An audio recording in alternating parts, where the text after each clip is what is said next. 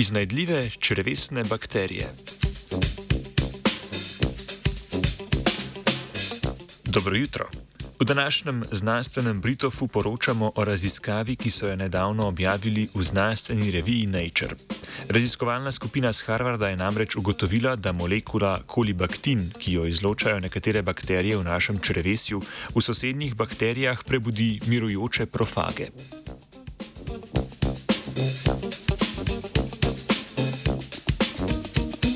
Mikrobnih združbah, tudi v človeškem mikrobiomu, navadno najdemo polno različnih bioaktivnih naravnih učinkovin, ki jih izločajo bakterije.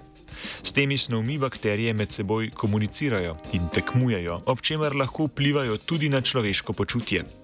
Ena izmed njih je molekula kolibaktin. Pri evkariontih, med katere sodimo tudi ljudje, lahko povzroča navskrižno povezovanje verig DNK, zaustavitev celičnega cikla in vpliva na nastanek tumorjev pri miših. Kljub dobremu poznavanju njegovega negativnega vpliva na evkarionte, pa je vpliv kolibaktina na okoliške mikrobe v združbi slabše poznan.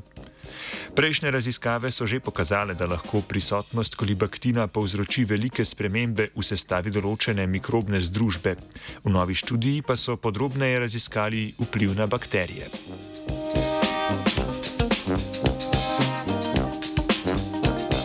Najprej so vzeli dva seva Escherichie coli, eden proizvaja kolibaktin, drugi pa ne. Tistega, ki ne proizvaja kolibaktina, so zmešali s supernatanatom, pardon, seva E. coli, ki ga proizvaja. Pri spremljanju viabilnosti bakterij niso opazili nobenih sprememb. Zato so poskusili gojiti oba tipa E. coli skupaj, pri čemer prav tako niso opazili nobenih sprememb v rasti. To pomeni, da kolibaktin očitno do teh bakterij ni bil toksičen. Pri poskusu so namreč uporabili laboratorijske seve, ki v sebi niso imeli mirujočih profagov, zato jih kolibaktin ni mogel aktivirati. Da bi hipotezo o profagih potrdili, so izvedli še poskus, pri katerem so uporabili seve okužene z mirujočimi profagi.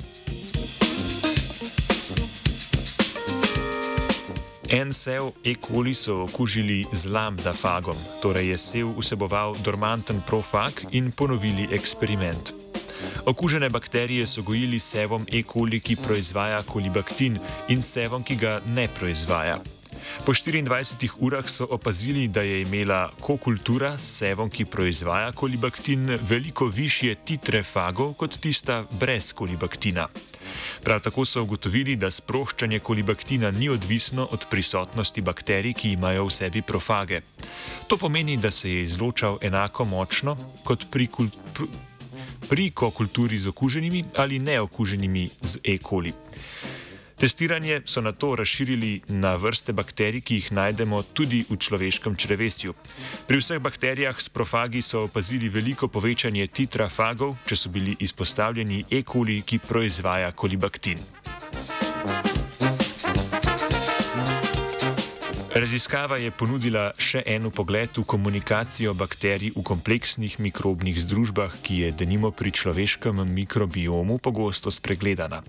Raziskave se namreč navadno osredotočajo na odnose bakterija-človek, vendar takšen mehanizem kolibaktina lahko močno vpliva na sestavo celotne mikrobne združbe, kar se, se seveda lahko pozna tudi na človeškem počutju.